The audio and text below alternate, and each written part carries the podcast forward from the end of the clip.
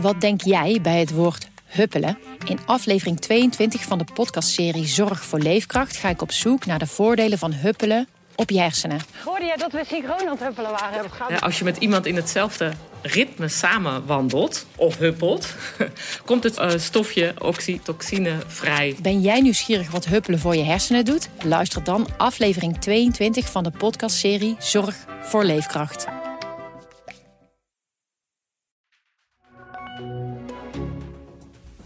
Dit is de AD Nieuws Update met Jelle Akerboom. Hoe nu verder voor hulporganisaties in Afghanistan? Kunnen ze in het land hun werk blijven doen na de machtsovername van de Taliban?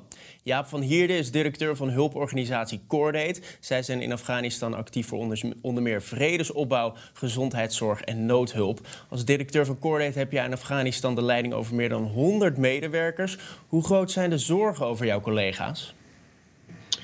Onze collega's zijn uh, natuurlijk uh, bijzonder bezorgd. Uh, ook omdat wij dus heel actief zijn geweest met vrouwenrechten, mensenrechten en dergelijke.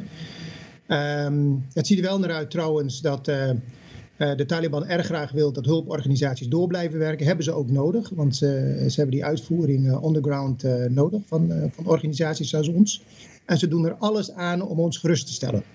Ja, want jij bent donderdag noodgedwongen naar Nederland vertrokken. Jij was daar. Hoe is het contact nu met, uh, met Afghanistan? Ik uh, spreek dagelijks uh, met mijn collega's. En wat liet je achter daar? Wat voor situatie? Um, op dat moment was het nog niet heel ernstig, want ik vertrok op donderdag. niemand had verwacht dat het echt zo snel zou gaan. We zaten steeds, nog steeds te denken, misschien 1, 2, 3, drie weken. Maar het is enorm snel gegaan. Uh, niemand kon verwachten dat er een, uh, een deal uh, achter de schermen zou plaatsvinden. Tussen met name Ghani en Taliban. Maar dat is gebeurd. Ja, en dat heeft iedereen de verkeerde voet gebracht. Ons ook. De massale evacuaties leken eindelijk op gang te komen. Maar gisteren moest er toch nog een transportvliegtuig zonder landgenoten terugkeren. Heel veel mensen waren er, we hebben ze kunnen bereiken. Ze waren er met hun kinderen, met hun gezinnen. Ze stonden daar aan de poorten van de luchthaven. Dus ik vind het, ik vind het vreselijk. We hebben weer contact met al onze Nederlanders. In dit geval gaat het om alleen maar Nederlandse evacuees. En hopelijk uh, is er morgen een verbetering in de situatie. We zagen minister Kaag van Buitenlandse Zaken. Hoe kijk jij naar die evacuatieoperatie? De evacuatieoperatie tot nu toe was uh, vrij chaotisch. Uh, we hopen dat dat uh, snel beter gaat worden. Het, uh, het schijnt dat het vanaf vandaag beter gaat worden. Ik heb begrepen dat de Amerikaanse soldaten de controle over het vliegveld tot eind juli blijven houden. Dus dat is ook belangrijk. het, is, het was tot op gisteren enorm chaotisch om zelfs de poort voorbij te komen. Dus dat was het probleem. Mensen konden niet eens in het vliegtuig komen. Nee. Nu heeft de, Taliban uh, gisteren een persconferentie gegeven. Ze klonken wat gematigder dan vroeger. Toch lijkt niet iedereen die woorden te geloven. Wat zijn die reacties die jullie daarover hebben gekregen? Nou ja, dat is het dus. Hè. De, de collega's geloven de Taliban niet. Helemaal niet. Afghanen geloven de Taliban niet. Uh, dus Taliban heeft heel veel werk te doen in de komende maanden om echt dat vertrouwen op te bouwen. Uh, en, dat, uh, en dan, ja, ik denk dat dan, uh, en dan moeten we kijken wat, wat er dan gebeurt op dat moment. Maar op het moment is er paniek. mensen vertrekken Afghanistan, heel veel opgeleide mensen vertrekken Afghanistan. en dat is een mogelijk probleem, ook voor de toekomst van Afghanistan. Nu zei jij in het begin van het gesprek dat de Taliban wel heeft gezegd dat ze hulporganisaties de ruimte willen geven. Geloof je dat dan wel? Nou, het is geen kwestie van geloven. Hè? Het is gewoon horen dat ze dat zeggen. Uh, zien dat ze tot nu toe inderdaad uh, zich aan hun woord houden. Dus ons werk wordt niet onmogelijk gemaakt. We zien niet dat we bedreigd worden. Onze mensen zijn niet een doelwit. Maar dat betekent nog niet dat ze geloofd worden. Uh, de, de, het probleem dat we ook hebben is, iedereen wacht af wat er nou gebeurt na eind augustus. Als Taliban het echt helemaal voor het zeggen heeft, gaan ze dan terug naar waar ze vandaan komen, ja of nee? En gaan ze echt actief achter mensen aan die datgene hebben gedaan wat ze helemaal niet willen? En wat is nu jullie volgende stap als hulporganisatie? Nou, op het moment steunen we onze mensen zoveel mogelijk. Dus ook mensen die willen vertrekken, versteunen we zoveel mogelijk. We gaan ze niet tegenhouden.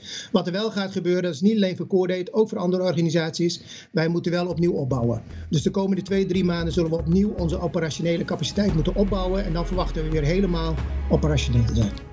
In de Tweede Kamer is het debat over de situatie in Afghanistan hervat. Politiek verslaggever Niels Klaassen volgt dit debat. En Niels, vanmorgen werd er bekend dat er enkele Nederlanders uit Kabul vertrokken zijn. Is er ondertussen al een nieuw vliegtuig vertrokken vanuit Afghanistan? De richten volgen elkaar heel snel op nu.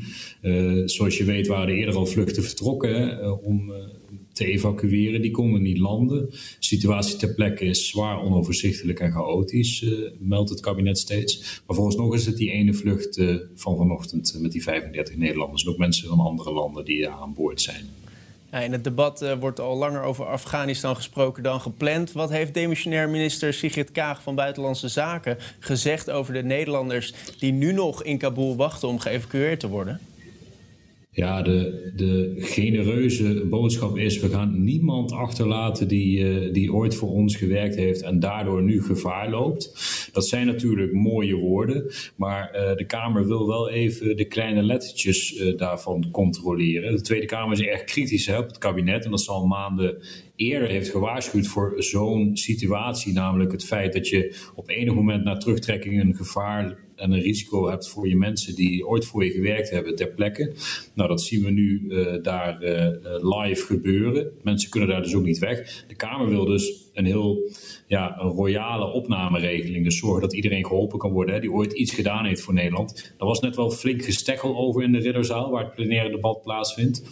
Want de staatssecretaris van Justitie, Ankie Broekers-Knol, die leest het heel secuur, de motie van de Kamer, en zegt: Wij kunnen niet zomaar iedereen zonder uh, mitsen of maren een asielvergunning beloven. Voor hetzelfde geld zitten er mensen tussen die, jokken over een achtergrond of over een werk voor Nederland. Terwijl de Kamer juist vindt dat ze veel te lang halstarrig vasthoudt aan die strakke selectiecriteria. Vindt dat de deuren wagenwijd open moeten, alles gedaan moet worden om mensen op te nemen.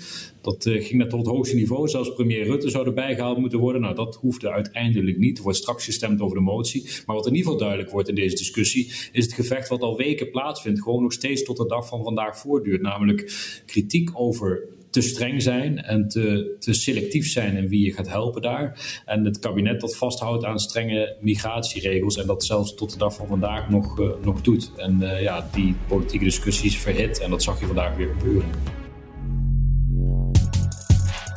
Nederlandse hulpverleners die maandagavond met een Brits toestel werden geëvacueerd uit Afghanistan zijn weer op Nederlandse bodem. Isabelle Langerak werkte vijf jaar lang als projectmanager bij Afghan Aid voordat zij deze week op een militaire vlucht Kabul kon verlaten. Isabella, met welk gevoel ben jij nu weer in Nederland? Um, ik ben met een heel dubbel gevoel in Nederland. Het is natuurlijk ontzettend fijn dat ik uh, veilig thuisgekomen ben. Ja dat ik na twee slapeloze nachten weer even in mijn eigen bed heb kunnen liggen hier. Maar blijft ook heel verdrietig uh, voor iedereen die daar nog is en voor de situatie in het land. Dus ja, uh, heel dubbel voor mij. Ja, want jij werkt dus voor de organisatie Afghan Aid. Wat voor werk doen jullie precies in Afghanistan? Um, wij doen veel verschillend werk. Wij ondersteunen Afghanen met no noodhulp en, en, het opzetten van langere termijn projecten op uh, heel veel gebieden. Onder andere werk en inkomen, vrouwenrechten. Uh, en daarmee hopen we de Afghanen in staat uh, te stellen om hun eigen families en gemeenschappen beter te ondersteunen en te versterken. Ik kan me voorstellen dat het dan heel moeilijk is om die mensen daarachter te moeten laten. Komt daar dat dubbele gevoel vandaan, omdat je die mensen zo goed kent? Um, ja, dat is één. Omdat ik die mensen zo goed ken. Omdat ik me heel erg begaan voel met het land en de mensen daar. Um, dus ja, maar niet alleen voor de mensen die ik ken. Ook gewoon voor het hele land dat echt in heel veel onzekerheid zit op dit moment. Want hoe was de situatie daar op het moment dat jij besloot te vertrekken? Um, ja, dat, uh, de situatie die veranderde opeens heel snel. De Taliban was natuurlijk aan een redelijk snelle opmars bezig. Maar um, ze dachten dat in elk geval, of de meeste mensen dachten dat de grote provinciale hoofdsteden en Kabul, dat die het wel even uit konden houden. En toen uh, afgelopen donderdag Kandahar en Herat zijn gevallen, twee van de grootste steden van het land toen, uh, toen, toen werd wel duidelijk dat het steeds serieuzer en dreigender begon te worden. Of, uh, en ja, toen zijn er vluchten geboekt voor mij, mijn collega's en ook voor andere mensen die ik ken bij andere hulporganisaties. Um, maar toen begon de situatie zich toch weer zo snel te ontwikkelen en Kabul viel ook heel snel. Kwamen Het begon op zondag met allerlei geruchten dat de Taliban in de stad waren. Toen brak er echt ontzettend grote chaos uit. Ehm, ik was op kantoor, we waren nog gewoon aan het werk. Mensen die stormden hun kamers en het kantoor uit omdat ze naar huis wilden. Um, het verkeer stond helemaal vast. Um, ja, en het was echt uh, voor mensen gewoon totale chaos. En voor, uh, voor veel internationale mensen en ook Afghanen die het gevoel hadden, hebben dat ze veel risico lopen. Het is ja, een situatie dat ze zo snel mogelijk het land uit willen, omdat het ja, gepaard gaat met zo ontzettend veel onzekerheid. Ja, nu moet je dus vanuit grote afstand toekijken. Hoe kijk je naar de huidige ontwikkelingen? Uh, ja, die volg ik natuurlijk op de voet. Um, en ik, uh, ja, ik ben geen politiek commentator, dus daar, uh, daar doe ik verder geen uitspraken over. Um, maar het is nog steeds heel zorgwekkend. Ik, ben, ik, maak me grote zorgen over de situatie van mensen die achterblijven. Vooral natuurlijk vrouwen. Ik heb zelf aan een, op een vrouwenproject gewerkt, of ik werk aan een vrouwenproject.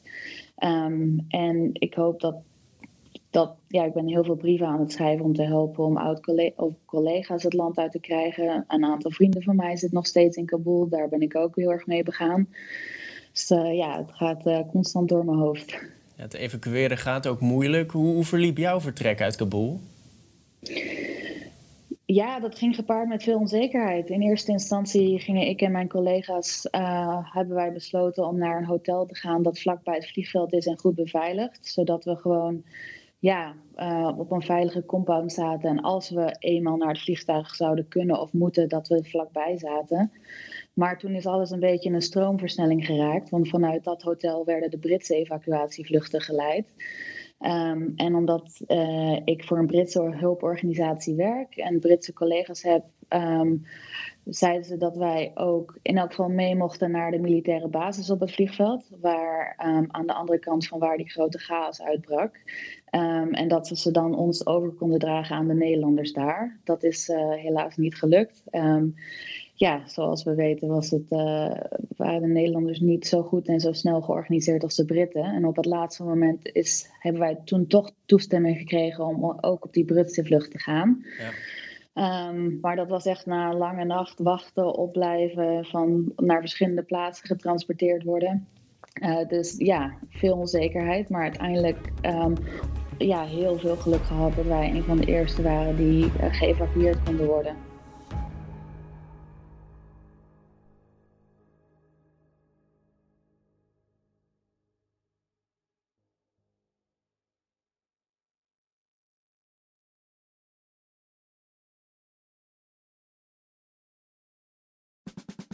Luister ook naar onze podcast Politiek Dichtbij. In een half uur praten we hierbij over de stand van zaken op het Binnenhof.